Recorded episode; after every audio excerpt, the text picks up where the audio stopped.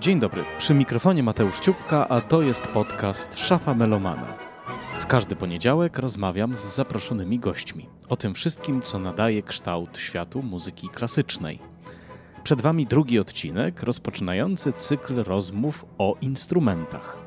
Zaczynamy od altówki, a naszą rozmowę wzbogacą także nagrania, których dokonał mój dzisiejszy gość. Posłuchać nas możecie na stronie szafamelomana.pl oraz w serwisie Anchor FM, a niebawem na popularnych platformach podcastowych. Jestem także na Facebooku i Instagramie. Wszędzie tam czekam na Wasze opinie, propozycje i komentarze. Zapraszam, szafa Melomana stoi przed Wami otworem.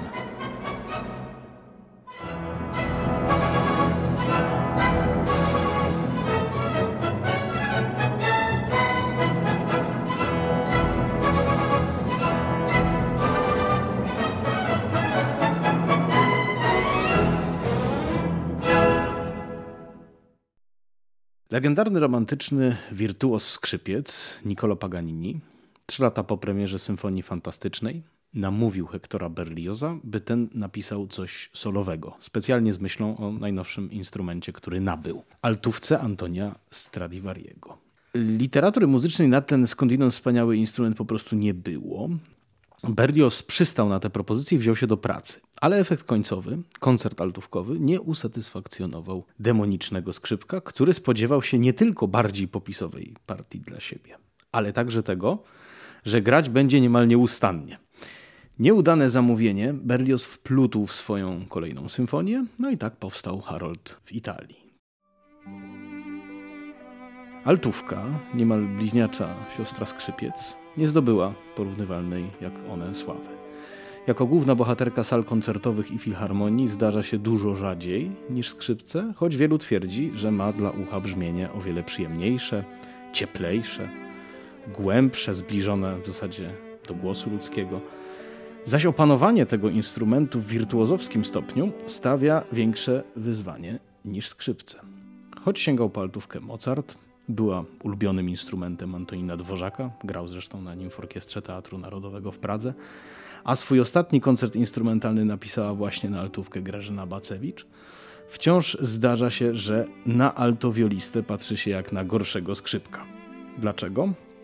I o tym porozmawiam dzisiaj z Pawłem Risem, altowiolistą, ale także skrzypkiem, dyrygentem, kompozytorem, członkiem Panton Quartet, Farwe Ensemble i doktorantem Akademii Muzycznej w Krakowie. Cześć Paweł. Witaj Mateusz.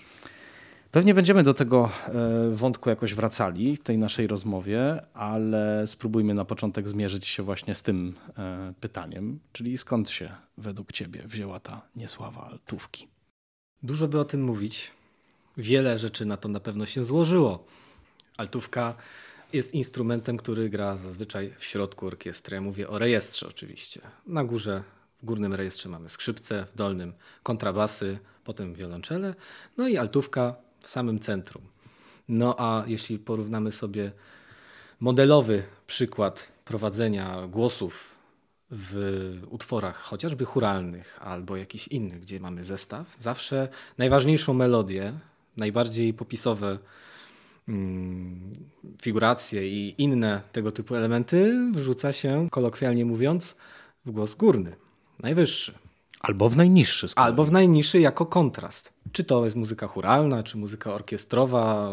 Przede wszystkim mówię oczywiście o muzyce, powsta która powstawała do, powiedzmy sobie, połowy XVIII wieku. Czyli chcesz powiedzieć po prostu, że to, co wypełnia. Dokładnie. Trudno to eksponować, tak? Wypełniacz trudno się eksponuje. Z altówką jest taka sytuacja w porównaniu ze skrzypcami czy wiolonczelą, że bardzo trudno skorelować jej rozmiary jej budowę. W przypadku skrzypiec mamy określony rozmiar. Mamy skrzypce pełne, 4 czwarte. Nie chcę mieszać tutaj rozmiarem pudła, jakie to jest dokładnie w centymetrach czy tam calach, zależy od tego, y, ale jest jeden model, 4 czwarte, potem mniejsze, 3 czwarte połówki i tak dalej dla dzieci, które uczą się na przykład na skrzypcach.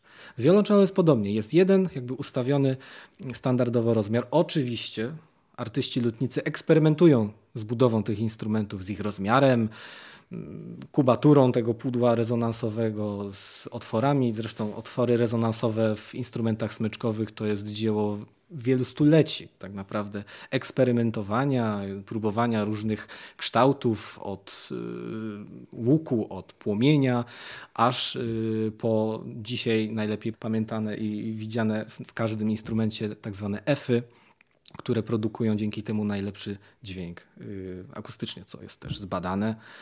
Mm, natomiast altówka no, jest zawsze nam, szyta na miarę. Jak przyjdziemy do lutnika i chcemy wypróbować jakieś skrzypce lub wiolonczele, z reguły zastaniemy warsztat lutniczy pełen instrumentów. No wiadomo, w zależności od tego, ile dany warsztat produkuje. Możemy sobie spróbować takie, z, taką, z takim lakierem lub z takim ustawieniem. Przechodzimy do lutnika po altówkę. Pada pytanie, jaki rozmiar? No i tu się zaczyna już piąć wszystko pod górkę, ponieważ e, altówki, jeśli chodzi o rozmiar pudła, mogą mieć od najmniejsze, wiadomo, dla dzieci to są rozmiar zbliżony do, do skrzypiec i, i mniejszy nawet. Natomiast taki standardowo, profesjonalny altowiolista, dorosły muzyk, który na altówce chce grać, yy, operuje na instrumencie, który rozmiar, którego rozmiar pudła wynosi od 38 cm, mniej więcej, chociaż zdarzają się mniejsze, ale to już wtedy kubatura powoduje, że ten dźwięk jest naprawdę, naprawdę nikły od 38 cm aż po naprawdę ogromne, tak zwane bombardy, ja na to mówię, nawet 45-46 cm. Ale są to tak ogromne instrumenty, które dla osób o mniejszym wzroście, o mniejszej długości rąk mogą generować naprawdę duże problemy fizyczne w graniu. Okej, okay, ale przecież chyba nie chcemy powiedzieć, że problem z altówką polega na... Ja do niego dążę. A, ja do polega na, na rozmiarze. Nie, nie, nie.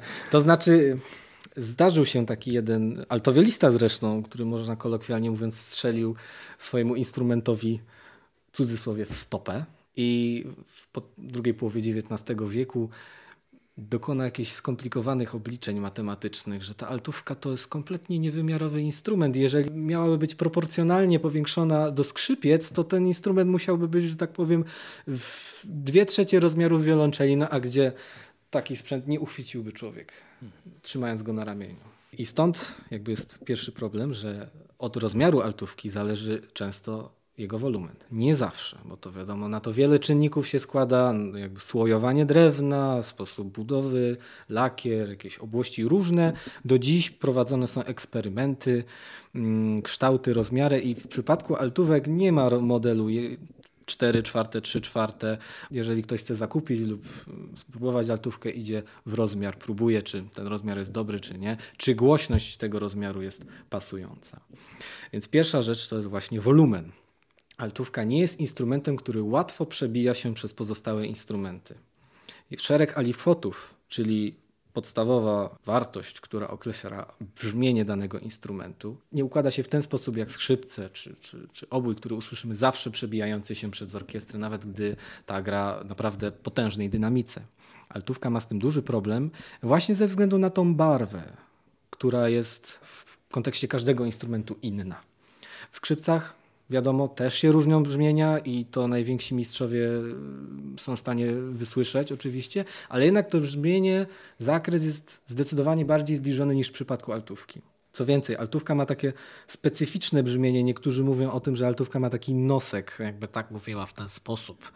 Gdyby mówić w ten sposób, to trochę tak, jakby altówka grała. I to też oczywiście zależy od instrumentu. Mój instrument na przykład jest bardzo zbliżony barwowo do skrzypiec, ze względu na eksperyment lutniczy, który na nim został wykonany w trakcie budowy, a instrument ma już 20, prawie 5 lat. Tej nosowości na przykład nie, nie ma, co też niektórzy zauważają jako minus z kolei, kiedy trzeba zagrać jakąś solową melodię i słyszą mój instrument, mówią, czy to jest na pewno altówka, bo trochę brzmi jak skrzypce. I dopiero jak zejdę na niższy rejestr, mm, wtedy faktycznie, no tak, no, ze względu na brzmienie jest to altówka. Kolejna rzecz.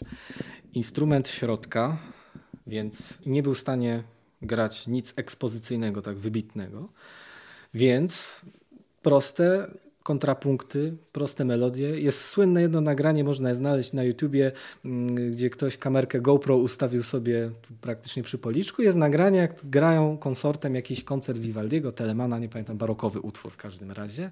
I partia altówki przez całą jedną część koncertu w zasadzie opiera się tylko i wyłącznie na rytmizowanym jednym dźwięku Cały czas jest ćwierćnuta ósemka, czy tam ćwierćnuta dwie ósemki, ćwierćnuta z kropką ósemka, jakiś taki rytm. Jeden dźwięk. No i stąd wzięło się to, że na altówce często dawano grać no nie do końca prosperującym e, instrumentalistom tak dobrze, żeby mogli zagrać wiodącą melodię na przykład. Ale to jest, jed... Znaczy, no tak, to jest jeden z głównych powodów, że zazwyczaj spychano tych, którzy sobie nie radzili na altówkę. No, nie zagrasz tej melodii, która trzeba pokazać, albo brzydko ją grasz, no dobra, no to zagrasz środek, to się jakoś wmiksuje w barwę, to się, to się ukryje, nie? Co ciekawe, mam wrażenie, że y, to, o czym teraz mówisz y, w kontekście mm, Telemana czy Vivaldiego, czyli czasów barokowych, trochę Y, promieniuje na dzisiejsze czasy, przynajmniej mówię teraz o Polsce, w której zdaje się wciąż nie można rozpocząć edukacji muzycznej od altówki. Rozpoczyna się od skrzypiec. Coraz więcej jednak w, w dużych ośrodkach, to trzeba znaczyć, że w dużych ośrodkach yy, już można się spotkać z altówką na poziomie szkoły pierwszego stopnia.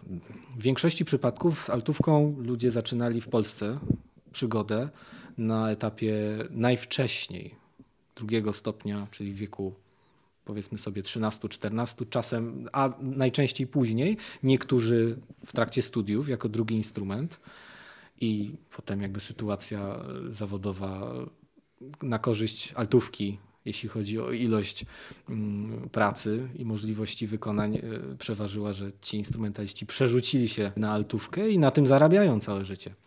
Czyli wie, wiele razy bywało po prostu też tak, że ktoś, kto ukończył szkołę muzyczną na skrzypcach, mówię o, teraz o Polsce i o, o, warunkach, które tutaj są, to znaczy pierwszy i drugi stopień ukończył na skrzypcach i nie dostał się na skrzypce na Akademię Muzyczną, szedł na altówkę. I tak i nie, to znaczy y, spotkałem się z takim zapisem w ogłoszeniach rekrutacyjnych na uczelnię muzyczną, że jeżeli Y, kandydat na skrzypce zda egzamin, ale ze względu na brak miejsc nie może zostać przyjęty, a będą wolne miejsca na altówkę, może na tą altówkę startować w tym wypadku z racji pokrewieństwa instrumentów. No ale co samo z zasady jest troszeczkę absurdalne, ponieważ... Jest troszeczkę zresztą... absurdalne, ale muszę ci przyznać, że sam jestem tego solemnym przykładem, że skończyłem szkołę muzyczną i pierwszego i drugiego stopnia na skrzypcach. No ja do tego piję. na skrzypcach, ale jednak studia, na studia na skrzypce się nie dostałem z różnych powodów i niekoniecznie tych technicznych, ponieważ egzaminy zdałem, tylko właśnie z powodu braków miejsc. Pominąłem tą informację, że można się dostać na altówkę, jeśli miejsca by na nią były. Yy, no i przez w cudzysłowie komin wszedłem na...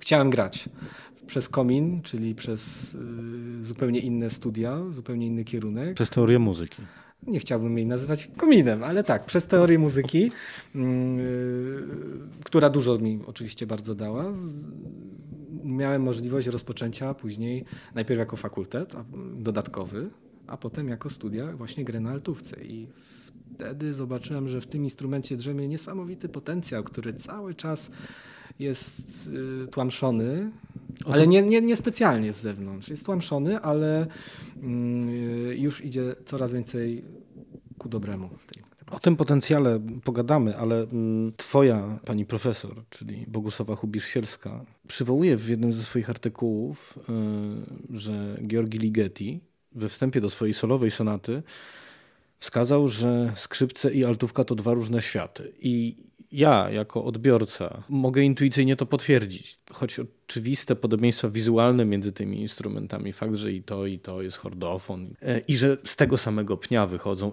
to byłbym skłonny się zgodzić i z, i z Twoją panią profesor, i z Ligetim, że to są dwa odrębne światy, a więc tak też powinny być traktowane w sensie y, nauczania. Pamiętaj, że Ligeti to jest kompozytor no, nie żyjący już, ale chcąc nie chcąc traktowany jako kompozytor współczesny XX wieku, gdzie, który zaczął karierę w zasadzie po II wojnie światowej. I owszem, altówka i skrzypce to są dwa zupełnie różne światy, ale zostało to zauważone raptem dopiero w dwudziestoleciu międzywojennym, jeśli chodzi o dorobek kompozytorski. Bo wcześniej y, starali się altowieliści o jakby propagowanie tego myślenia. No, natomiast dopiero w XX wieku zwrócono tak bardzo uwagę na barwę instrumentu, że dzięki temu altówka mogła wyjść tam, gdzie jest teraz i iść dalej w tym kierunku. Bycia instrumentem równoważnym. Znaczy ten instrument nigdy nie był poniżej równowagi, jeśli chodzi o skrzypce, wiolonczele, kontrabas w składzie smyczkowym. Natomiast altówka już idzie w tym kierunku dobrym, ale bardzo fajne określenie pocieszające. O tym słyszałem, że altówka jest takim kopciuszkiem instrumentów muzycznych. To jest angielskie, angielskie stwierdzenie, zdaje się, angielskiego badacza, jeśli nie altowiolisty. Nie pamiętam już jego nazwiska, ale właśnie y, altówka dużo, swój rozkwit, ponowny renesans w XX wieku właśnie dużo Anglikom zawdzięcza i do, do tego myślę jeszcze wrócimy. Tak, tak. Wrócimy właśnie do historii tego, jak przebiegało ten zadziwiający w gruncie rzeczy, patrząc na rozwój i dzieje muzyki fakt, że ta literatura altówkowa pisana z myślą o altówce i z, z pewną czułością wobec tego instrumentu i, chęcią wydobycia go, to jest praktycznie dwudzieste stulecie dopiero. Zresztą podobnie jak i flet. I bardzo dużo innych instrumentów. Bo przejrzymy literaturę koncertową, solową, koncertową na instrumenty, no to w XIX wieku fortepian, skrzypce, wiolonczela i praktycznie nic poza tym. Natomiast inne instrumenty właśnie późny klasycyzm, a dopiero później XX wiek. Tak, już przywoływana tutaj twoja pani profesor Bogusława Hubisz-Sielska mówiła o tym, że to straszna szkoda, że Antonin Dworzak nie napisał nam koncertu altówkowego. Straszna szkoda, wtedy... że Mozart nie napisał, straszna szkoda, że Beethoven nie napisał, bo też grał, że Schubert nie, Franciszek Schubert, bo Józef Schubert, który zupełnie nie był z nim spokrewniony, w podobnych latach też napisał koncert na a Franciszek Schubert, który grywał mm, i zawsze pozytywnie w swoich jakby listach i wspomnieniach wypowiadał się o brzmieniu altówki, też nic na altówkę solo nie napisał. Wiadomo, że altówka w, w dziełach kameralnych zawsze pełniła y, rolę równo, równorzędną, czasem wiodącą, w zależności od y, pomysłu kompozytora. Ale tak samo Benjamin Britten na przykład z tych współczes bardziej współczesnych kompozytorów. Mm, no a u Brittena już z kolei znajdziemy parę ważnych utworów na altówkę. Do Beethovena można byłoby mieć tutaj y, pretensje, ponieważ to był pierwszy instrument, za pomocą którego on zarobił pieniądze. Dokładnie, grał w dwóch orkiestrach naraz w trakcie swojej młodości, bo praktycznie cała kwestia zdobywania środków na życie dla swojej rodziny, kiedy był jeszcze nastolatkiem w Bonn, spadła na jego głowę. I on właśnie dzięki altówce mógł utrzymać rodzinę. Ale się jej nie odwdzięczył i no, koncertu nie napisał. Koncertu niestety. nie napisał, ale odwdzięczał się jej w inny sposób, mam wrażenie, w muzyce kameralnej. W kwartetach. Zdecydowanie, tak. Pomyślałem sobie o tej marginalizacji altówki w kontekście tego magicznego, rozbudzającego wyobraźnię, zmysły oraz w przypadku niektórych co zamożniejszych portfele nazwiska Stradivariego. W bogatych zbiorach, bo jednak wydaje mi się, że kilkaset funkcjonujących na tym świecie instrumentów z tej pracowni w Kremonie, to jednak jest sporo. W zasadzie odnotowujemy tylko 10 altówek. 10 chyba zachowanych do 10 zachowanych. czasu. Tak, tak. Tych instrumentów było znacznie więcej. Dużo, bardzo dużo instrumentów fantastycznych, nie tylko altówek, zaginęło przecież. Z reguły przy instrumentach tej rangi, i które w zasadzie stanowią lokatę, ogromną i bardzo korzystną lokatę, za którą idzie również swego rodzaju prestiż, prestiż a nawet snobizm, jak niektórzy powtarzają.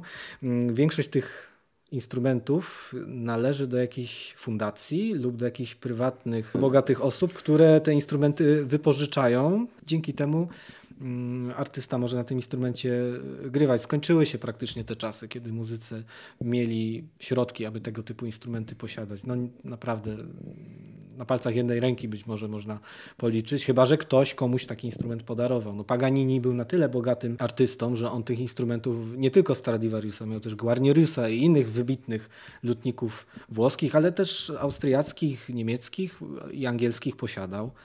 Paganini zdaje się posiadał w swojej kolekcji dwie lub trzy altówki, jedną pięciostrunową, co ciekawe.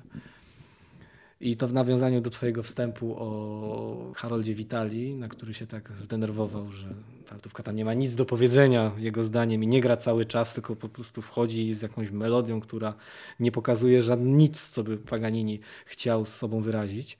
Mm, stworzył sonatę per la Grand Viola. Grand Viola dlatego, że tak, naz tak nazwana została ta jego pięciostrunowa altówka, która po prostu posiadała dodatkową strunę E, taką jak skrzypce mają.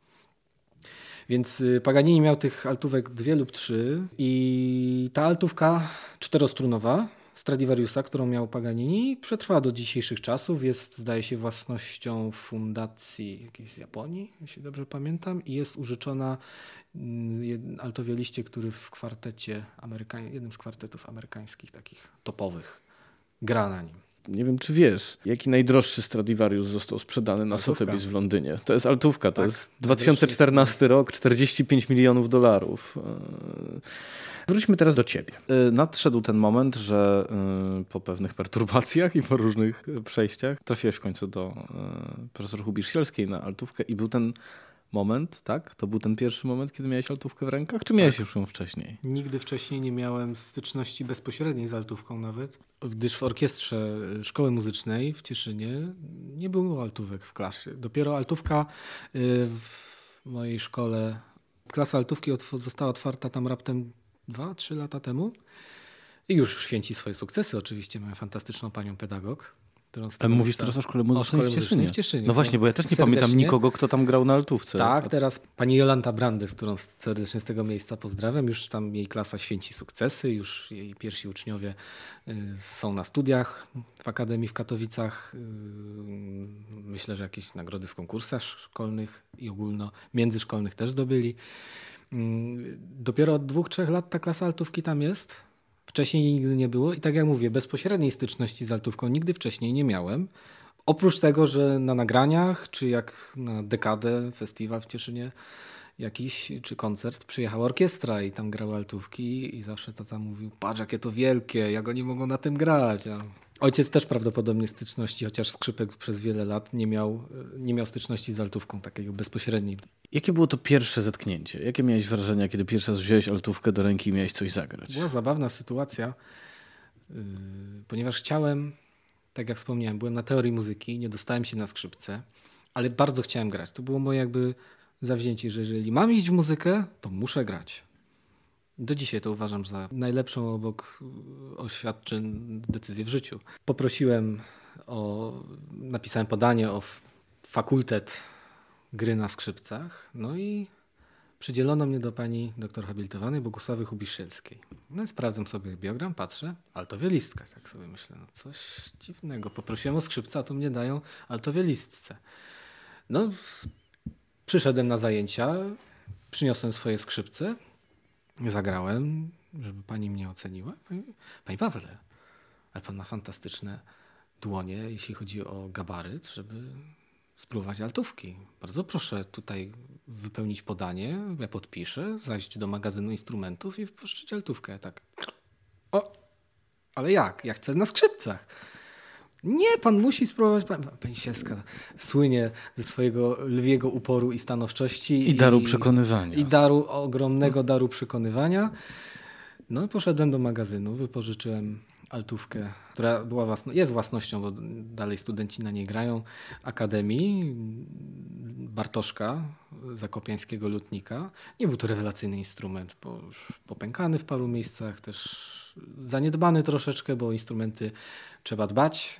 Co ciekawe, instrumenty smyczkowe y, raczej, jeżeli się o nie dba, to tylko zyskują na wartości. Stąd takie ceny Stradivariusów. Dużo fantastycznych instrumentów starych. No, zostało zaniedbanych i dlatego często gęsto nawet nie idzie ich naprawić, dokonać porządnych korekt, tak żeby popękane są, gdzieś tam dusza wypadła, czyli taki ten kołeczek drewniany, który przekazuje drgania z górnego pudła na, z górnej deki na dolną dekę pudła wypadnie, a struny nie zostały odkręcone, wyjęte z instrumentu. No i a naciąg, nacisk jednej struny zależnie od instrumentu, no to potrafi być ogromna siła. No więc ściśnięty tą siłą instrument niszczeje.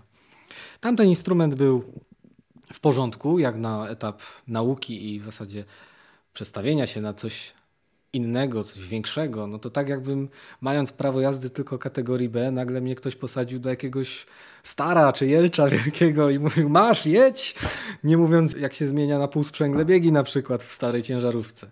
Trochę się tak poczułem, ale największą przeszkodą dla mnie była nauka klucza altowego. Ten przeklęty Ten altowy przeklęty klucz. klucz altowy, ponieważ altówka gra w takim rejestrze, że w kluczu wiolinowym musielibyśmy dopisywać bardzo dużo kresek pod linią, pięciolinią, a w kluczu basowym bardzo dużo nad pięciolinią. Stąd y, na altówce gra się w kluczu altowym, ale trzeba zaznaczyć, że klucz altowy, czyli tak zwany klucz C, klucz wiolinowy to klucz G, a klucz basowy to klucz F. To się bierze od tej kropeczki, od której zaczyna się rysować klucz, lub w przypadku kluczu altowego, który wskazuje centralny punkt, ona właśnie wskazuje ten dźwięk na pięciolinii.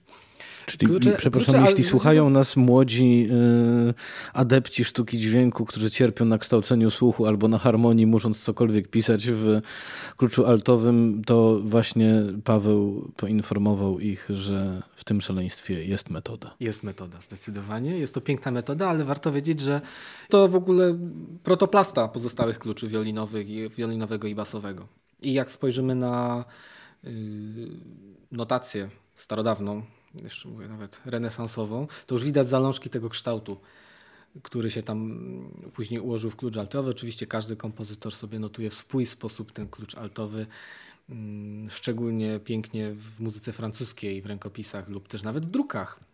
Aż do zakończenia II wojny światowej Durand czy Eschik w swoich wydawnictwach bardzo piękny klucz altowy tam jest narysowany, zupełnie inny niż ten, który jakby no, jest stosowany uniwersalnie dziś.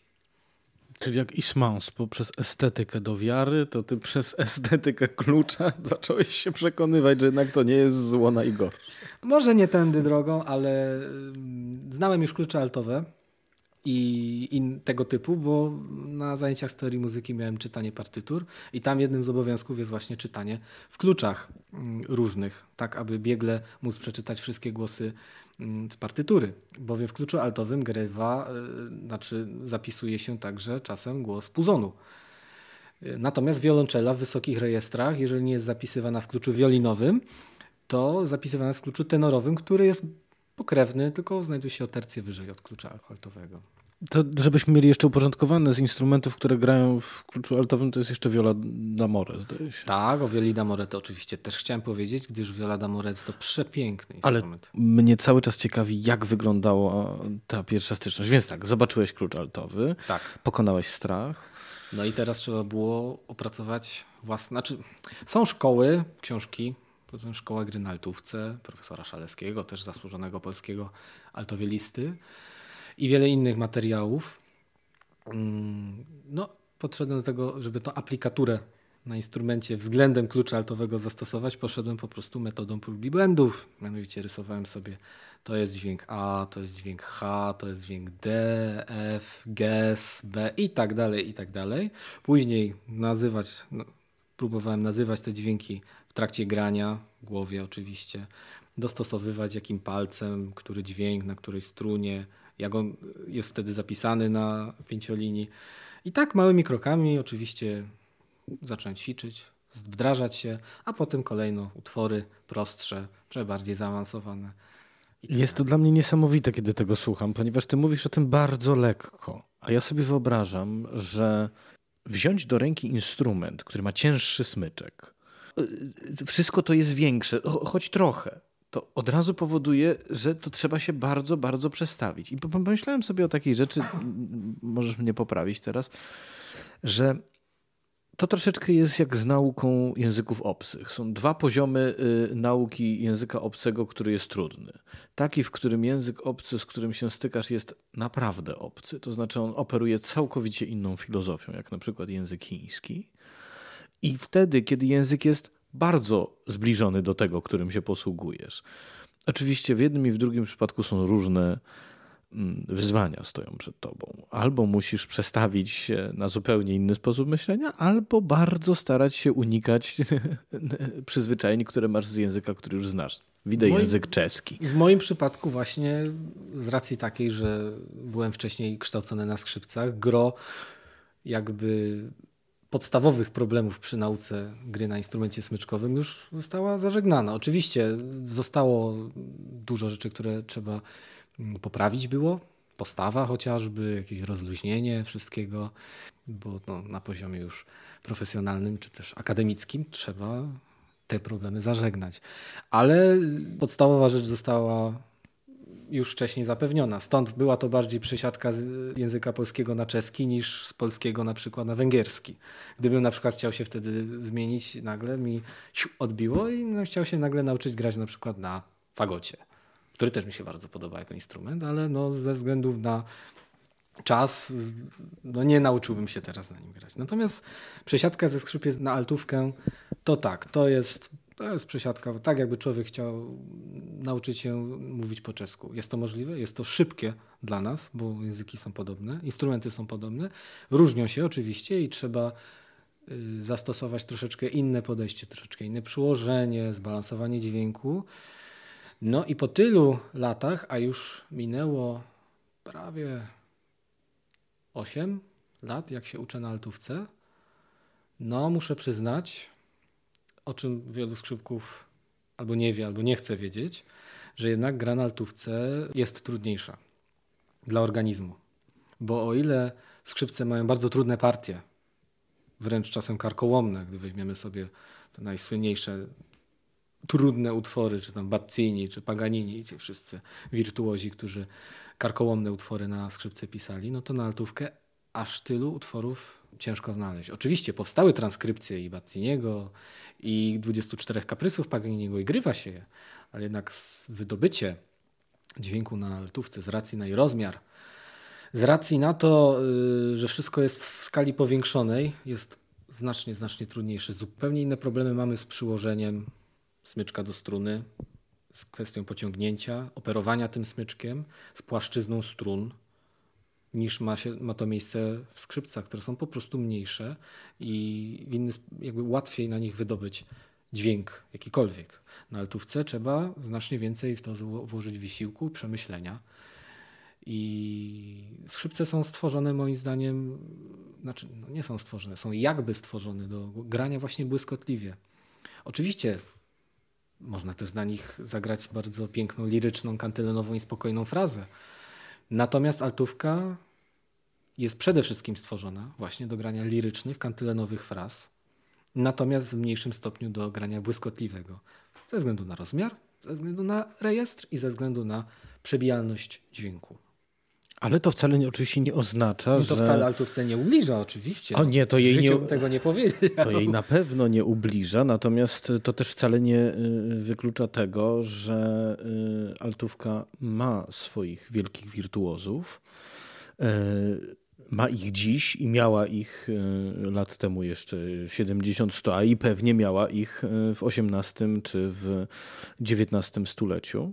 I jak to w przypadku bardzo często instrumentów tych troszkę zaniedbanych, tych kopciuszków właśnie się zdarza, potrzeba takich właśnie e, ludzi, to znaczy wirtuozów, aby e, instrument mógł zaistnieć w literaturze muzycznej. To znaczy, aby po prostu ktoś napisał dla danego, z dedykacją, z myślą o danym wykonawcy jakiś utwór. No i tutaj chyba trochę płynnie przechodzimy właśnie do tego zagadnienia, czyli do zagadnienia literatury muzycznej, tego, co zostało napisane na altówkę.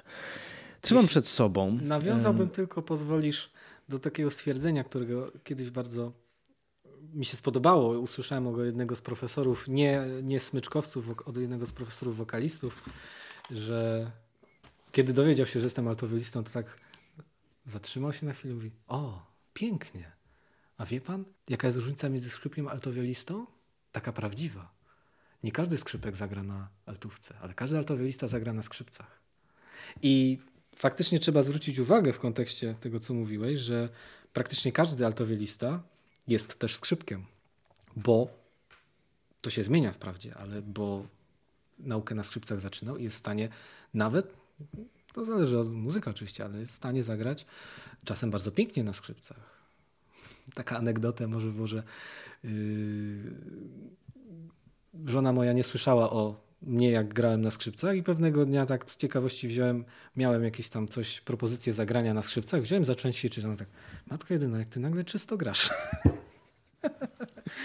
Ale czy to, to, też, oznacza, to że, czy właśnie... to oznacza, że po ośmiu latach nie udało ci się uzyskać czystego dźwięku? To się stało wprawdzie po półtora roku. nie, nie, w sensie chodzi o właśnie kwestię menzury, czyli odległości, znaczy Nie chcę tego w fachowy sposób tłumaczyć, żeby mnie lutnicy y, nie zamordowali za jakieś Herezje. bzdury, herezje. A, nie a chciałbym to też wytłumaczyć w sposób prosty słuchaczom. Yy, Chodzi o kwestię tego, jak, jaka jest odległość pomiędzy palcami i pomiędzy konkretnymi dźwiękami. I w przypadku skrzypiec jest ona podobna ze względu na ten rozmiar. W przypadku altówki i rozmiaru pudła i tej menzury, czyli odległości między podstawkiem, na którym zaginają się struny, a proszkiem, czyli początkiem podstrunicy, zwanej czasem gryfem, ta różnica pomiędzy rozpiętością dźwięków jest naprawdę różna. I dlatego biorąc inną altówkę do rąk, która jest troszeczkę innego rozmiaru, no trzeba się przestawiać na różne odległości i stąd trudniej się intonuje zdecydowanie na altówce niż na skrzypcach. Natomiast wracając do altowioelistów. mm, W dawnych czasach często gęsto y, kompozytorami, kompozytorzy byli wykonawcami swoich utworów. A byli oni multiinstrumentalistami. Grali na skrzypcach, grali na wiolach, grali na altówkach, na gambach, na kontrabasie czasem, na instrumentach klawiszowych. Żeby było jasne, mówisz teraz o baroku, o klasycyzmie? Baroku, klasycyzmie. Ale zdarzają się taki, tacy kompozytorzy i w XIX wieku, a i nawet w XX wieku, żeby przytoczyć chociażby Hindemita, ale o Hindemicie jeszcze będzie dużo do powiedzenia, bo on właśnie, jeśli dobrze pamiętam, głównie był skrzypkiem altowielistą. A no to, że grał na fagocie, na fortepianie, na waltorni, harfie i wszystkich innych instrumentach, to już inna historia. Natomiast w, w wiekach zwanych potocznie dzisiaj dawnych, chociaż możemy powiedzieć, że czasy dawne to jest wczoraj. Yy, Mówię tu o baroku, klasycyzmie, kiedy, czyli o, tych, o tym czasie, kiedy muzyka instrumentalna jakby wypłynęła na równi z wokalną i, i wokalno-instrumentalną, yy, kompozytorzy wykonywali swoje utwory. To się skończyło w XX wieku, kiedy kompozytorzy stali się indywidualnymi twórcami, rzadko kiedy wykonującymi swoje utwory chyba tylko na jednym s- instrumencie, na którym się specjalizowali. Tutaj Prokofiew, Szostakowicz to takie pojedyncze nazwiska.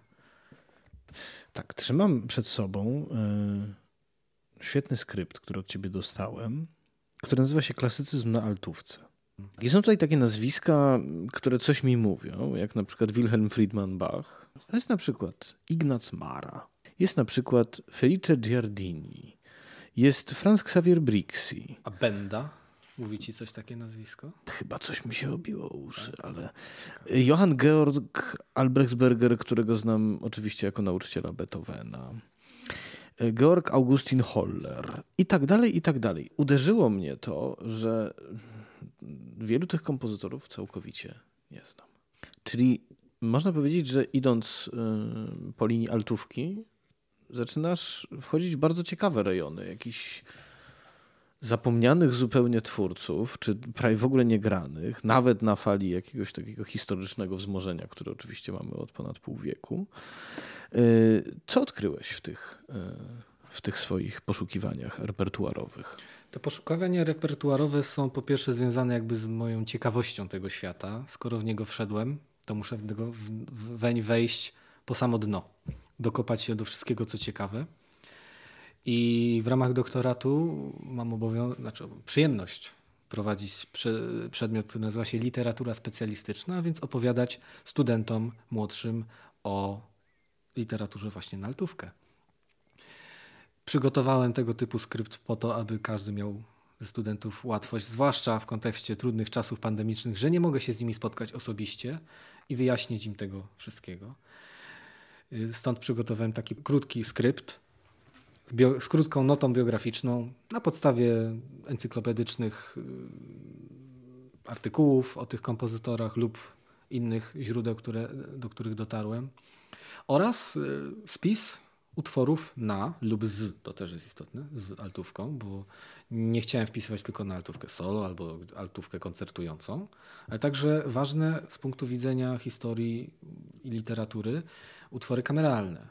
No bo należy pamiętać, że altówka jest przede wszystkim instrumentem kameralnym. Te nazwiska, do których się dokopałem, część z nich widziałem po raz pierwszy. Jeśli pozwolisz, na przykład bardzo zaskoczyło mnie nazwisko hiszpańskiego kompozytora y, Juan Olivier Astorga, o którym w życiu wcześniej nie, nie słyszałem. Poszperałem trochę, na tyle na ile mogłem w internecie i dowiedziałem się, że to, był to jeden z głównych kompozytorów na dworze hiszpańskim.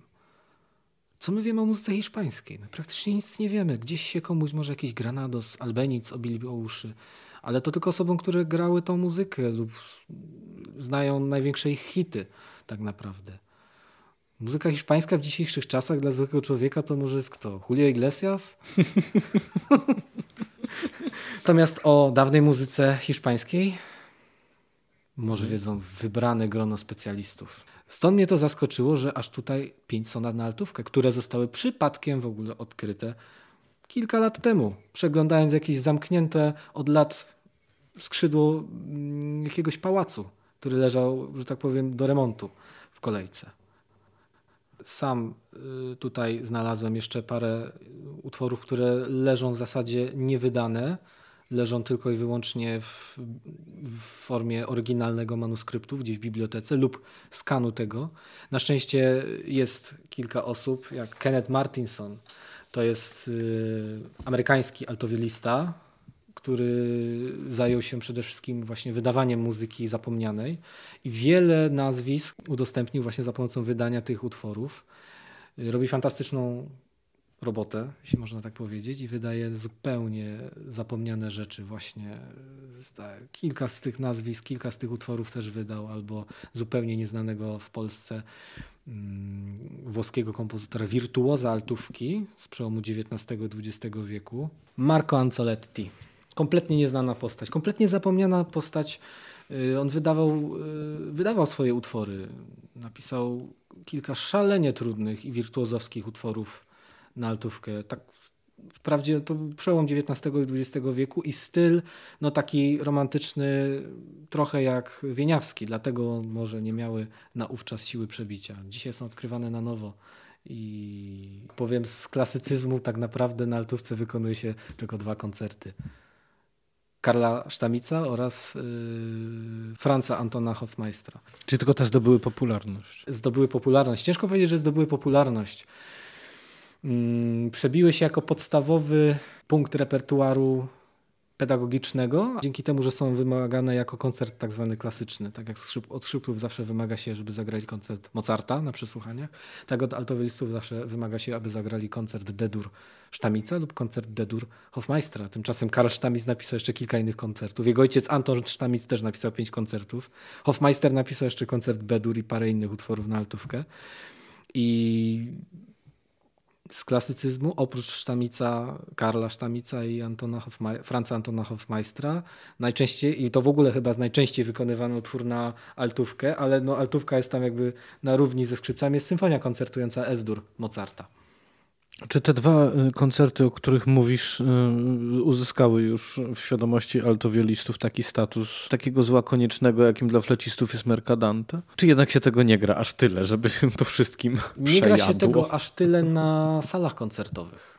Gra się je na konkursach, gra się je na przesłuchaniach. Natomiast w salach koncertowych wybrzmiewają one stosunkowo rzadko. Zdecydowanie częściej, jeżeli chodzi o altówkę w roli solisty koncertowego, wykonuje się koncerty dwudziestowieczne. W baroku mamy koncert na dwie altówki, szósty brandenburski, gdzie dwie altówki mają jakby rolę koncertującą. Mamy pierwszy w historii koncert na altówkę Georga Filipa Telemana, który oprócz tego napisał jeszcze koncert na dwie altówki. Mnóstwo literatury w baroku na wiele da amore, która instrumentem pokrewnym do, alt, do altówki jest, chociaż jest zupełnie inaczej, zupełnie innej budowy, zupełnie innego strojenia i zupełnie innej barwy. Jeszcze piękniejszej moim zdaniem niż altówka, ale mało kto później w historii to docenił.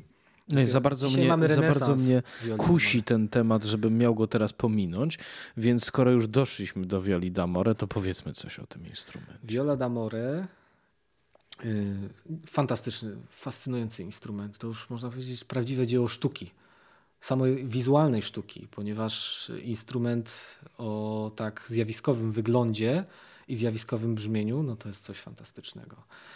Y, nie ma otworów rezonansowych. Zdarzają się otwory rezonansowe w kształcie litery F, ale takim modelowym, czy też najczęściej spotykanym są płomienie lub zwane też także, które są także zwane jako szable arabskie.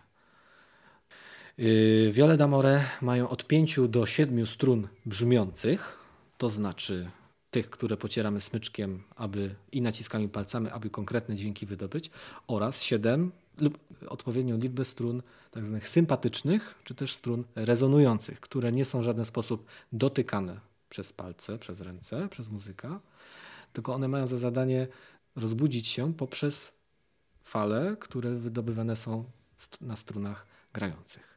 One są poprowadzone w podstrunnicy, bardzo sprytnie rozwiązane, są poprowadzone pod strunami grającymi i dlatego można się spotkać z wiola, wiolami damore, które posiadają 10 kołków, bo jest 10 strun, bo te rezonujące też trzeba nastroić odpowiednio, a mają 14 strun, które 7 grających, 7 sympatycznych, rezonujących. Co te struny y, rezonujące dają?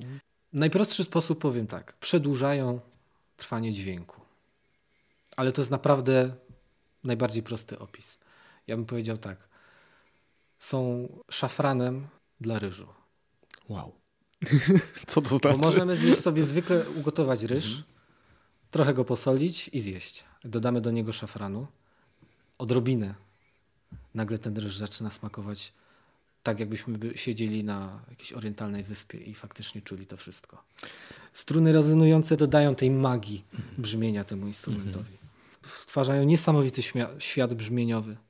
Dodają takiej aureoli brzmieniowej temu instrumentowi i dlatego Viola d'Amore, że to brzmienie niesamowite zawsze kojarzyło się z czymś z czymś intymnym, z czymś miłosnym, stąd ta nazwa, z czymś, co towarzyszy tylko takiemu absolutnemu uczuciu. Mhm. I stąd instrument ten bardzo często był wykorzystywany w przypadku e, jakby zwrotów retorycznych w baroku właśnie do ujawnienia, ukazania jakiegoś afektu, afektu miłosnego, a później w XIX-wiecznych operach, bo też się pojawiała, czy u Masseneta, czy u Prokofiewa w Romeo i Julii, sola tych najbardziej intymnych miejsc lub motywy, które w orkiestrze pojawiają, są właśnie wykonane na violi d'amore. Oczywiście nie każdy altowiolista, nie każda orkiestra posiada violę d'amore. Jest to bardzo drogi i skomplikowany w budowie instrument.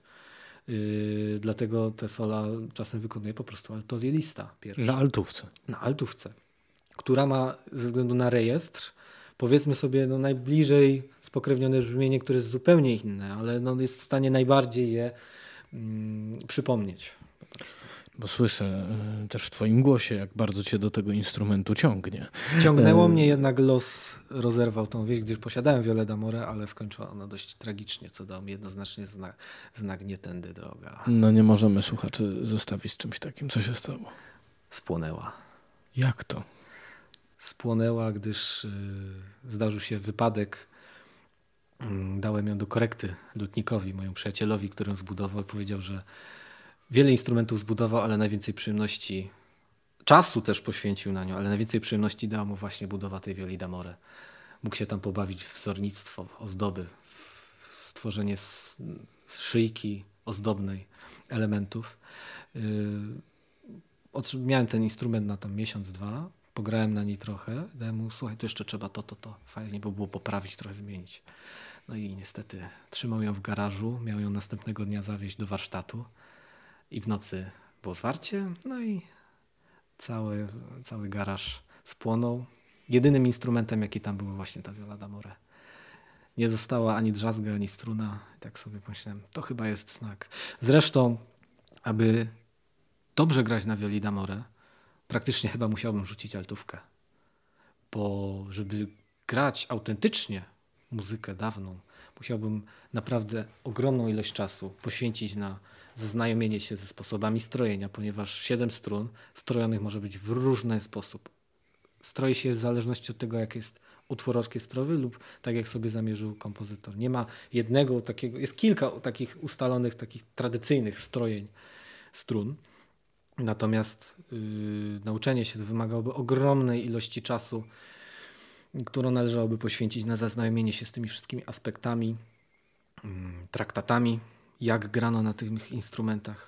Myśmy mieli jeszcze wrócić no, i uporządkować ten wątek, czyli rozumiem, że jeżeli ktoś chce nauczyć się grać na violi d'amore, musi przejść drogę przez altówkę do niej? Niekoniecznie. Niekoniecznie. Czy w Polsce ktoś w ogóle tego uczy? Mamy klasę Prywatnie. violi d'amore? Prywatnie na pewno. Prywatnie na pewno są pedagodzy, wiem, że w Krakowie są, w Warszawie Artur Paciorkiewicz, altowielista, syn Tadeusza Pacierkiewicza, kompozytora. Yy, znany z tego, że gra zarówno na altówce, jak i na violi d'amore. W Polsce jako takich studiów na violi d'amore nie kojarzę, żeby były. Są osoby, które opłok studiowania altówki barokowej, bo takie studia są, grają jeszcze, pobierają lekcje na violi d'amore. Ale tak jak mówię, u mnie wymagałoby to zbyt wiele czasu. Zbyt wiele innych ciekawych jeszcze rzeczy mam do zrobienia. Ale nie ukrywam, że kiedyś chętnie bym wrócił do tego, bo instrument jest fascynujący. Wszystkim słuchaczom polecam sobie wpisać nazwę Viola d'Amore, zobaczyć chociaż jak one wyglądają, poszukać tych instrumentów w zdigitalizowanych galeriach muzeów instrumentów. Jakie to są dzieła sztuki tak naprawdę. Zresztą jak wiele innych instrumentów y, z dawnych epok ponieważ na przestrzeni tych kilkuset lat powstało przeróżne warianty, przeróżne konstrukcje, o których dzisiaj nie, nie pamiętamy, chociażby arpeggione, krzyżówka gitary z wiolonczelą. No tak. Paweł, chcę cię zapytać teraz o taką rzecz. Czy masz swój ulubiony altówkowy utwór? I pytam cię o to jakby z dwóch perspektyw. Z perspektywy słuchacza i z perspektywy grającego. Co lubisz zagrać, a czego lubisz posłuchać? A może to jest to samo? Z perspektywy wykonawcy Powiem, że bardzo lubię klasycyzm, grać. Aczkolwiek jest to bardzo ryzykowna gra. Z tej racji, dlatego, dla której trudno wykonuje się muzyką dawną. Ponieważ gust, gusta każdy ma inny.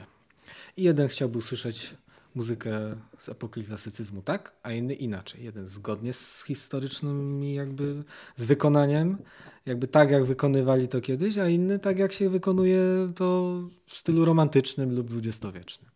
Natomiast granie muzyki klasycyzmu to jest zabawa. Owszem, to się może na dłuższą metę znudzić ze względu na stosunkowo prostą harmonię, jakieś zwroty.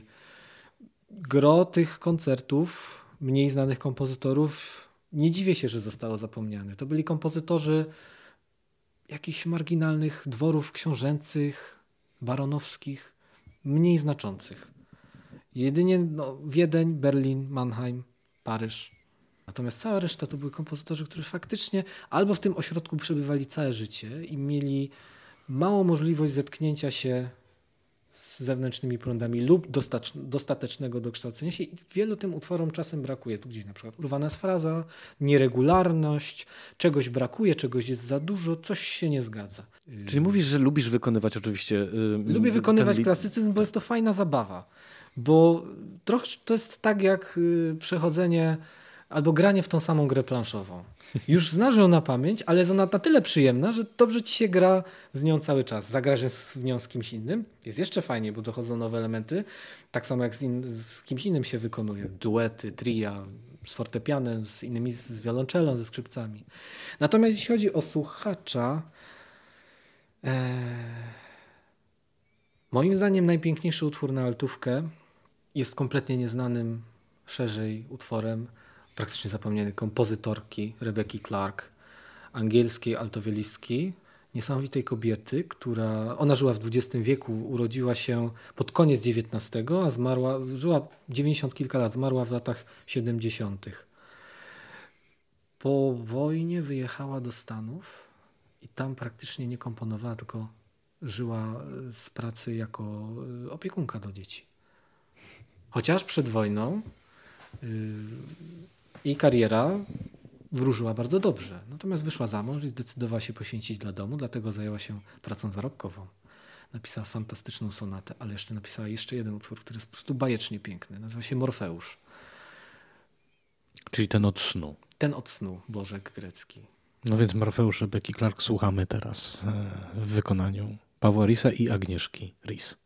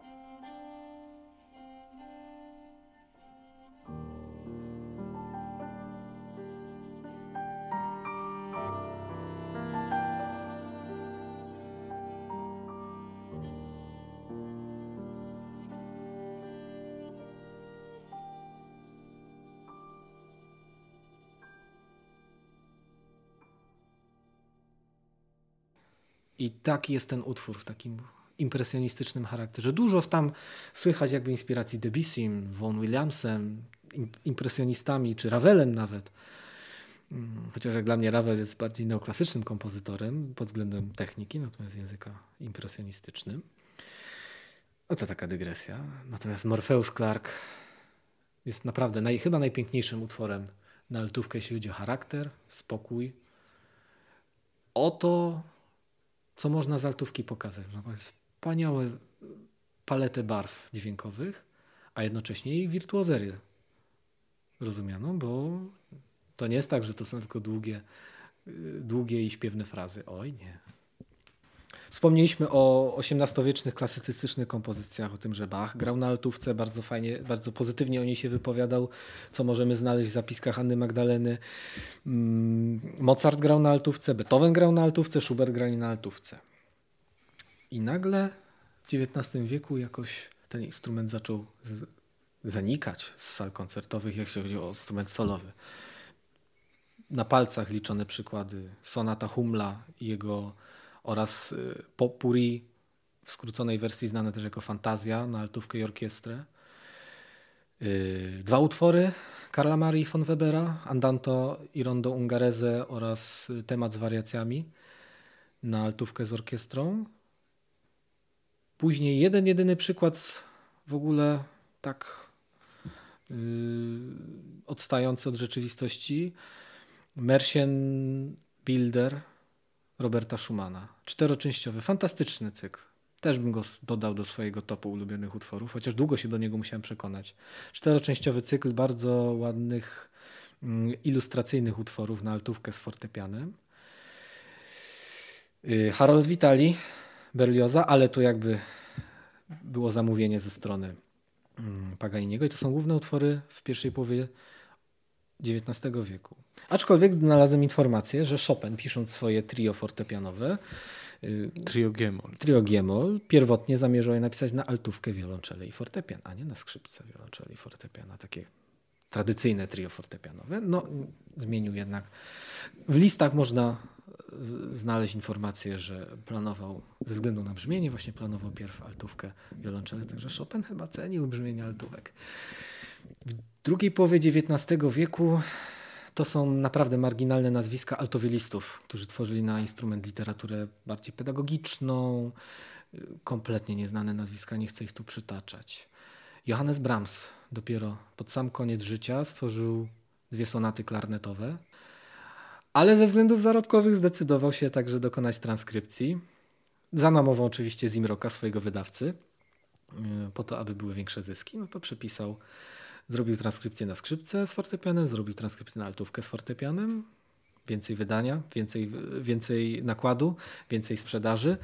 No i dziś klarneciści, altowieliści mają fantastyczne dwie sonaty, bardzo trudne. Bardzo trudne. To jest moim zdaniem jeden z naprawdę pod względem wyrazowych najtrudniejszych i najbardziej zaskakujących utworów, jakie mamy w repertuarze. To są właśnie te dwie sonaty Brahmsa.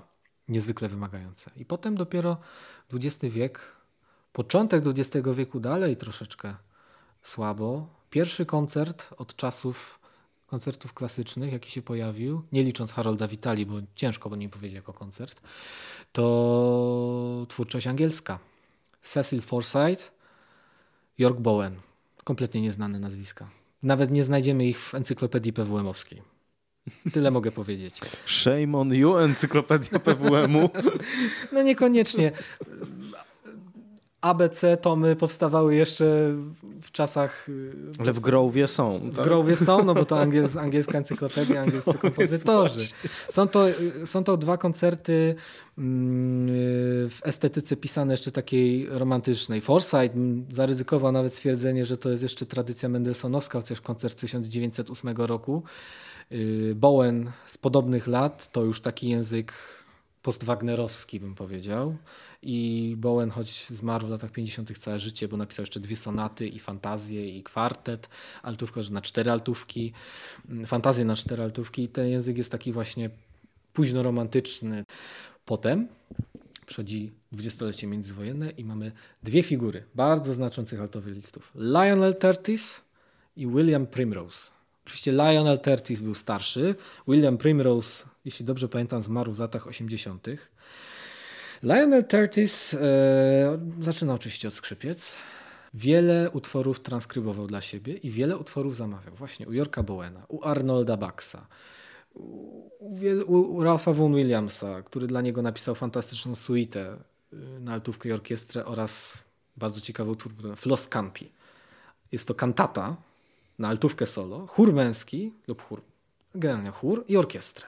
Gdzie altów, to nie jest koncert, ale altówka ma tam funkcję koncertującą. Chór, co, co ciekawe, kantata, mm, jest wokalizowany, nie ma tekstu. Mhm. Taki ciekawy utwór.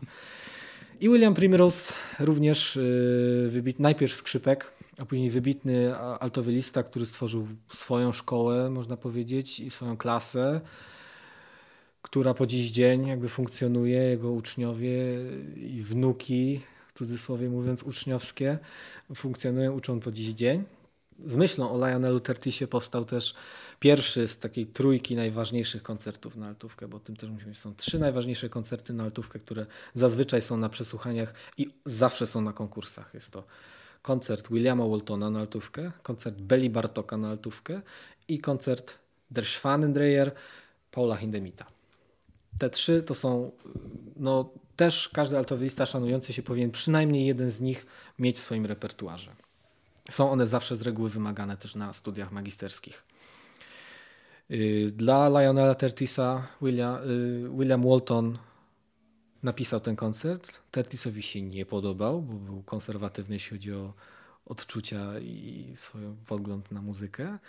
Uważał, że ten język, który zastosował Walton, to taki trochę zbyt nowoczesny i taki to się nie przyjmie i tak dalej. No, y, na prawykonaniu altówkę solo grał Hindemith.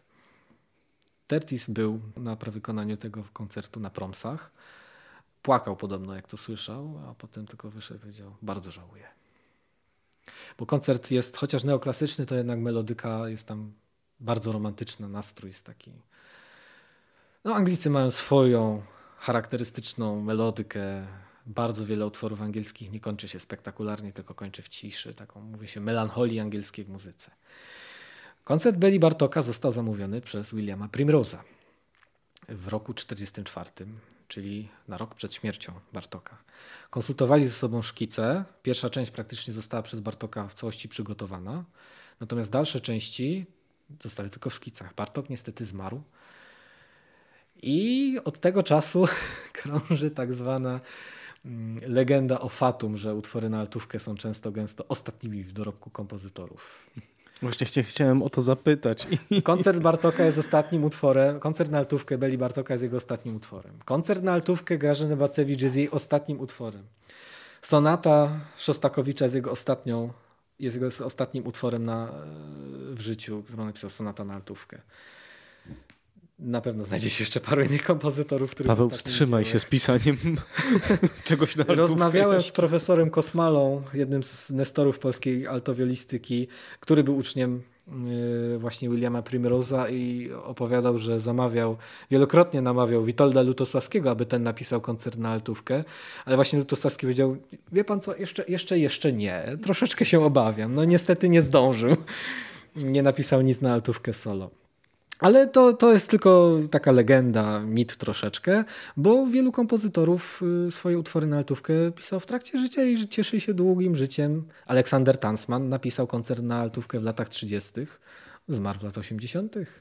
Długo pożyła, długo mu dała żyć ta altówka. Czyli jeżeli słuchają nas kompozytorzy, to zapewniamy, że to są tylko legendy. To są tylko legendy i to... I pisać. To był czysty Po prostu przypadek. pisać jak najwięcej. Pisać na altówkę. My tak. chcemy mieć jak najwięcej ciekawej literatury.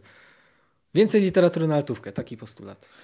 No więc właśnie. Ja chętnie tego... wykonam, się zgłaszam. Zachęcamy do tego bo instrument jest piękny i myślę sobie, kiedy powiedziałeś o tym XIX wieku, to pomyślałem sobie, że to jest zaskakujące, że to jest królestwo salonu. To jest czas, kiedy w każdym, co, na co zresztą przecież przeklinali świetni kompozytorzy, że przecież w każdym mieszczańskim salonie musi być ten fortepian i ktoś, kto na nim rzępoli, no bo oczywiście nie każdy przecież potrafił na nim grać dobrze, natomiast grali prawie wszyscy, bo to był sposób spędzenia wolnego czasu też po prostu, ale i pewna elegancja się z tym wiązała, pewne aspiracje klasy średniej do tego, żeby być wyższy do... i tak dalej, i tak dalej. Dziwi mnie, że właśnie w tym salonie altówka się nie odnalazła, bo o ile można faktycznie powiedzieć, że na wielkiej sali koncertowej, kiedy jest 40-70 muzyków za tym altowiolistą, to jest mu się może trudno przebić. I tu skrzypce mają tę rolę faktycznie wiodącą. O tyle w salonie. Przecież to jest tak salonowy instrument. No nie powiedziałbym, że altówka się nie odnalazła, bo odnalazła się fantastycznie, tak jak już mówiłem, jest to instrument kameralny. Czyli w kwartetach. W kwartetach, w kwartetach fortepianowych, kwintetach fortepianowych, składach które mają więcej niż dwa instrumenty. Mówię, są te wyjątki jak Mersin Builder Schumana, yy, pierwszy polski utwór w zasadzie rejestrowany na altówkę Henryka Wieniawskiego Reverie, bo Henryk Wieniawski też na altówce grał. Yy, Henri Vieton, fantastyczny skrzypek belgijski, który mnóstwo utworów na skrzypce napisał. Napisał też sporo utworów na altówkę. Sonatę, której nie dokończył. Elegię, bardzo ładny, bardzo piękny utwór. Yy, koncertu niestety nikt nie popełnił, tak jak wspominałem. Natomiast muzyka, muzyce salonowej altówka istniała, ale głównie właśnie w składach kameralnych, głównie w kwartetach. Kwartet amerykański Dworzaka otwiera co? No solo, prominentne solo altówki na przykład.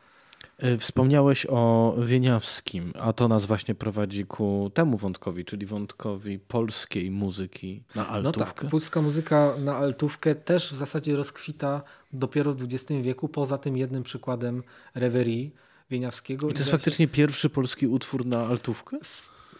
altówkę jakby instru jako instrument solowy tak. Wcześniej tak, jako jeszcze, instrument wiodący. Wcześniej solowy. oczywiście jeszcze mamy kwartety kompozytorów polskich, wcześniejszych. Nawet się zdarzyło dość ciekawy utwór Karola Kurpińskiego, dziwny i ciekawy, nokturn na waltornie, fagot i altówkę. Natomiast Ale jakieś takie nocne instrumenty faktycznie. No nie? Wszystkie takie nocne. Natomiast nie jestem pewien na ile to jest utwór oryginalny. Wydaje mi się, że tak. Bo trzeba sobie zaznaczyć, że powstało bardzo wiele pastiszy. Na przykład francuski altowiolista i kompozytor Henri Casadessus Mm, skomponował dwa koncerty, które podpisał nazwiskiem, jeden koncert Hamold podpisał nazwiskiem Händla. Naprawdę. A drugi koncert... Casadeshi to był, to, był dwudziestowieczny. No przełom XIX-XX wieku. Przełom, przełom tak. tak. I z, napisał koncert Hamold, który podpisał jako Jerzy Fryderyk Händel, a drugi koncert Cemol, który podpisał jako Johann Christian Bach. Dobrze tego Janowi Sebastianowi nie Dokładnie. Z kolei Mikhail Goldstein, y, radziecki muzykolog, skomponował dwa koncerty i y, takie na altówkę w stylu dawnym. Jeden przypisał kozackiemu, ponoć z pochodzenia rosyjskiemu kompozytorowi epoki tam późnego klasycyzmu, tam przełomu Iwanowi Kadoszkinowi, bo tak sprawdzałem, a drugi koncert y, Józefowi Reiche stryowi Antona, Antona Reiche. No także... Czyli były próby naprawienia były próby naprawienia tych, tych braków, które ich zdaniem zaistniały. No, całe szczęście dzisiaj wiemy, że to są tylko falsyfikaty. Równie bardzo ciekawe utwory, bo nie można powiedzieć, że te koncerty Kasedysusa są złe, tylko no, no, słychać, że to nie jest oryginał. Niestety. No tak. No tak. Natomiast wracając, muzyka polska. Muzyka polska. Bo wyszliśmy od Wieniawskiego z dygresją na Kurpińskiego. Mm, z muzyce polskiej. Później koncert Tansmana, o którym już wspomniałem. Rewelacyjny to już w dwudziestoleciu. To już dwudziestolecie międzywojenne, ale rewelacyjny utwór. Następnie y, już po wojnie na zamówienie chyba najbardziej znanego polskiego altowielisty dwudziestowiecznego, żyjącego, mającego się fantastycznie mam nadzieję po dziś dzień, doktora honoris causa Akademii Muzycznej w Poznaniu, profesora Stefana Kamasy. Y, na... Czyli temu, któremu koncert y, Bacewicz był dedykowany. Koncert Bacewicz i wiele innych utworów polskich, mniej znanych kompozytorów. Tadeusz Natanson, mm, Krzysztof Penderecki też skomponował koncert na altówkę i kilka utworów. No i bardziej współczesne, y, coraz więcej powstaje współczesnych utworów y, Marka Stachowskiego z 1998 roku. Dużo też y, młodych kompozytorów chcąc od, wyeksponować inną, mniej znaną barwę, właśnie decyduje się, aby pisać na altówkę solo. Czyli tak się dzieje. No tak to... się dzieje, tak się dzieje i też coraz więcej jakby takich znanych nazwisk tworzy, tworzyło na altówkę. Alfred Schnittke, fantastyczny, zjawiskowy koncert, coś wspaniałego. Edison Denisow, bo to głównie yy, mówię teraz o radzickich kompozytorach, którzy dla swojego altowielisty głównie, yy, czyli Juriego Baszmieta oraz tych starszych yy, komponowali. Yy, Gia Cancelli, yy, Sofia Gubajdulina, mnóstwo fantastycznych utworów na altówkę, ale także na zachodzie. Georg Friedrich Haas. Mm, nie mówię tylko o koncertach, mówię też o utworach na solo. Wspomniany na początku przez Ciebie Georgi Ligeti, Georgi Kurtak, mnóstwo bardzo ciekawych i już w nowym języku pisanych utworów na altówkę. Nawet John Williams napisał w 2009 roku koncert na altówkę. Ten John Williams od y, Gwiezdnych Wojen, muzyki do Gwiezdnych Wojen, Indiana Jonesa i innych napisał. Wprawdzie tak właśnie specyficznie brzmiący, bo próbuje tam pokazać, że jest w stanie pisać autonomiczną muzykę czyli nie, nie pod dyktando filmu czy też jakiegokolwiek innego źródła muzykę na mm, niezależną, ale jest to ciekawy utwór. Gdybyś miał wskazać dzisiaj taki altówkowy top, jeśli chodzi o wykonawców. Żyjących. Żyjących i absolutnie działających, działających. teraz. Po Williamie Primrose i Lionelu Tertisie na świecie y, pojawi się ich coraz więcej. Jeśli chodzi o takie starsze pokolenie, no to zdecydowanie Yuri Baszmiet. Y, wprawdzie jego wykonania trzeba lubić, ja osobiście nie przepadam. Z młodszego, znaczy panie mają już po 60 są, ale jest to Tabela Zimmerman oraz Kim Kaszkashian. To są jakby kolejne bardzo znaczące nazwiska, takie, których płyty się ukazują już od wielu lat i najwięcej koncertują, najwięcej mm, wydają. Z młodszych nazwisk no to Antonua Tamesti, rewelacyjny altowilista gra na Stradivariusie. Fantastyczne nagrania. Dla niego teraz piszą rewelacyjne koncerty. No a z młodszego pokolenia, niech no sobie przypomnę, młodszy już ode mnie o dwa lata, 25-letni Timothy Ridout, zjawiskowo gra. Naprawdę. Chłop się urodził z altówką, jeśli można tak powiedzieć. Ta altówka się razem z nim urodziła, stworzony do tego. Bardzo wielu młodych altowylistów teraz coraz lepiej gra. Mm, jak śledzę konkursy altówkowe, które nie są tak popularne jak konkurs Chopinowski, Wieniawskiego, mm, czy tam Czajkowskiego, czy wszystkie te inne konkursy, głównie na skrzypce lub fortepian. Tak sobie myślę, że my strasznie jesteśmy zaczadzeni tym XIX wiekiem. Bardzo, to prawda. Fortepian, to skrzypce, wiolonczela. Trafne i to, spostrzeżenie. Tak. Niesamowitą siłę ta epoka miała tak. oddziaływania tak. na nas do dziś. Natomiast jeszcze powinienem dodać o polskich altowiolistach, gdyż yy, tak jak mówiłem wcześniej, skrzypkowie grali jednocześnie na altówce, stąd Henryk Wieniawski. Później w początku XX wieku Jan Rakowski, nestor polskiej altowiolinistyki i Mieczysław Szaleski, to dwóch takich altowiolistów. Yy, Mieczysław Szaleski związany głównie z Warszawą i Jan Rakowski z Poznaniem. Mm, uczniem Jana, Jana Rakowskiego właśnie między innymi jest Stefan Kamasa. Obok niego Jerzy Kosmala, tu z Krakowa, y, który się uczył z kolei Primrose'a i jest jakby wykładowcą, był wykładowcą przez wiele lat i w Stanach. Dzisiaj gościnnie przyjeżdża, można się u niego kształcić także na kursach w Polsce. A z młodszego pokolenia, no to zdaje się najbardziej znanym nazwiskiem i jest Katarzyna Budnik. Laureatka konkursu ARD w Monachium i zwyciężczyni wielu konkursów, innymi konkursu imienia Jana Rakowskiego oraz grono fantastycznych altowelistów, innych pedagogów, którzy przekazują dalej swoje umiejętności i wiedzę młodszym studentom. Nie chciałbym tu z imienia, nazwiska już wszystkich wymieniać, no bo tu kogoś bym zapomniał, ktoś by nie został doceniony. Mówię tylko te najbardziej znane i jakby na topie nazwiska. Mówimy także o tym po prostu, bo o tym należy mówić i Dokładnie. należy o tym pamiętać. Aby nam nie umknęło to, co przecież w istocie rzeczy, tak sobie myślę, jest tak naprawdę równoprawne dlaczegoż sądzić, że ten instrument jest gorszy od tego Inny nie znaczy gorszy, zdecydowanie. Oczywiście, oczywiście. Chociaż tak jak podkreślałem, altówka jest trudnym instrumentem pod, ze względów swojej budowy, ze względu na swoją brzmienie i sposób wydobycia dźwięku i wymaga naprawdę wielkiego zaangażowania, wielu trudów i ogromnej wiedzy technicznej, aby dobrze na nie wykonać i zaangażowania. Niestety spotykamy się z tym, że często, gęsto na altówkę właśnie trafiają ludzie, którzy nie poradzili sobie na skrzypcach i nie do końca chcą to robić. Ale że często, gęsto nie mają pomysłu na swoje życie, robią to niechętnie i stąd wydaje mi się taka niesława tej altówki, czasem ta humorystyczna, objawiająca się w tysiącach dowcipów nieudolność altowiolistów, a na szczęście to się zmienia. Pogląd na altówkę też się zmienia. Yy, dwa lata temu zastartował pierwszy festiwal poświęcony tylko altówce na Florydzie. Tabea Zimmerman wspólnie z Michaelem Tilsonem Thomasem, dyrygentem, zorganizowali taki festiwal poświęcony tylko i wyłącznie altówce.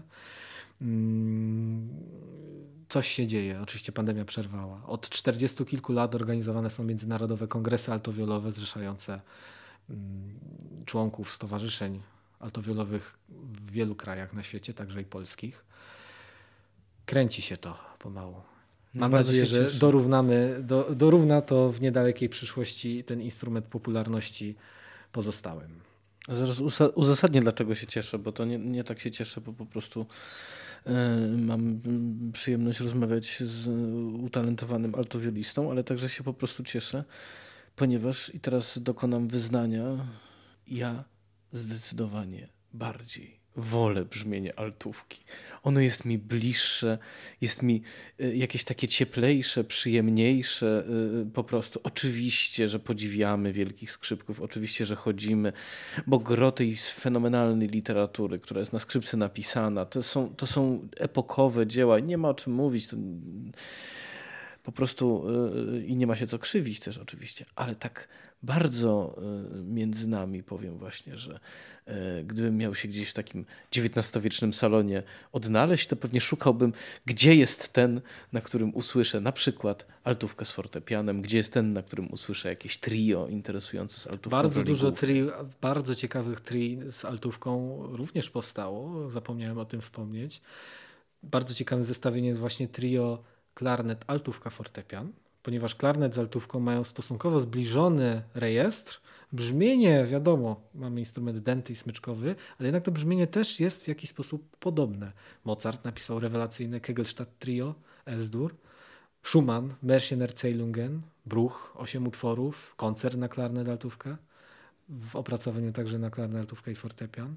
Ale także są również, chciałem powiedzieć jeszcze innym składzie, flet, altówka i harfa. To już jest zupełnie co innego i tutaj mamy chociażby trio Debussy'ego i wiele, wiele innych utworów na ten skład fantastycznych. Rewelacyjna barwa, rewelacyjne kolory. Mam więc nadzieję, że po tej naszej rozmowie yy, ci, którzy nas słuchają i wytrwali aż do tego momentu, jeszcze się nie znudzili naszym gadaniem tutaj i naszymi fascynacjami altówkowymi, będą mieli bardzo dużo rzeczy do przesłuchania i do, do, do poszukania, bo wydaje mi się, że to jest y, właśnie to, po co my tutaj Jeżeli rozmawiamy. ktoś tylko chciałby dowiedzieć się coś więcej, myślę, że warto poszperać, bo skarbnica utworów, skarbnica wykonawców jest naprawdę potężna. Są naprawdę rewelacyjne utwory, które nie są grywane. Więc w tytule tego podcastu zadałem pytanie, czy altówka to gorsze skrzypce i teraz możemy chyba na 3-4 powiedzieć, że nie. nie. Dziękujemy bardzo i to już wszystko na dzisiaj. Dziękuję ślicznie. Dzięki Paweł. To jednak nie wszystko w dzisiejszym odcinku. Posłuchajmy na koniec odrobiny muzyki. Będzie to Christmas Dance z suity na altówkę i małą orkiestrę Ralpha Vona Williamsa, tu w wersji z fortepianem. Grają Paweł Ris i Agnieszka Ris.